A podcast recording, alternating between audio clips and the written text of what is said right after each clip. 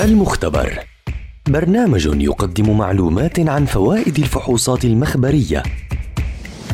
من تقديم الدكتور محمد عسعيس دكتوراه في المختبرات الطبية وأمراض الدم.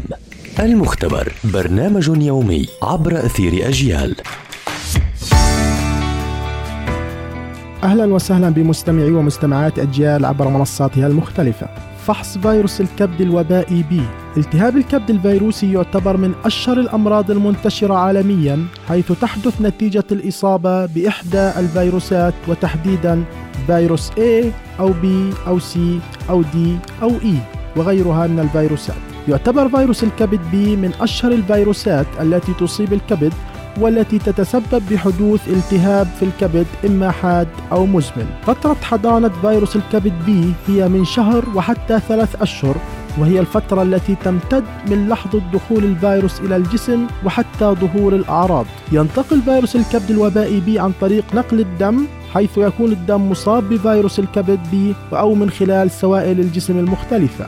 أيضا ينتقل الفيروس من الأم المصابة إلى الجنين أثناء الولادة كما وينتقل أيضا عن طريق الإبر والحقن والجماع وغيرها من الطرق.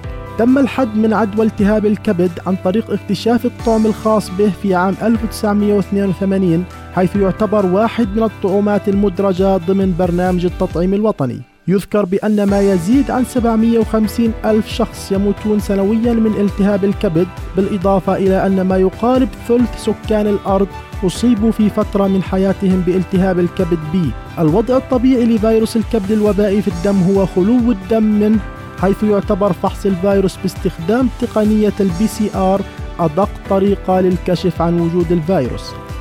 يتم إجراء فحص فيروس الكبد بي وغيرها من الفيروسات عن طريق الدم ويتم إصدار النتيجة خلال ساعة. استنونا في حلقة جديدة عن فحص ومعلومة جديدة. دمتم بصحة.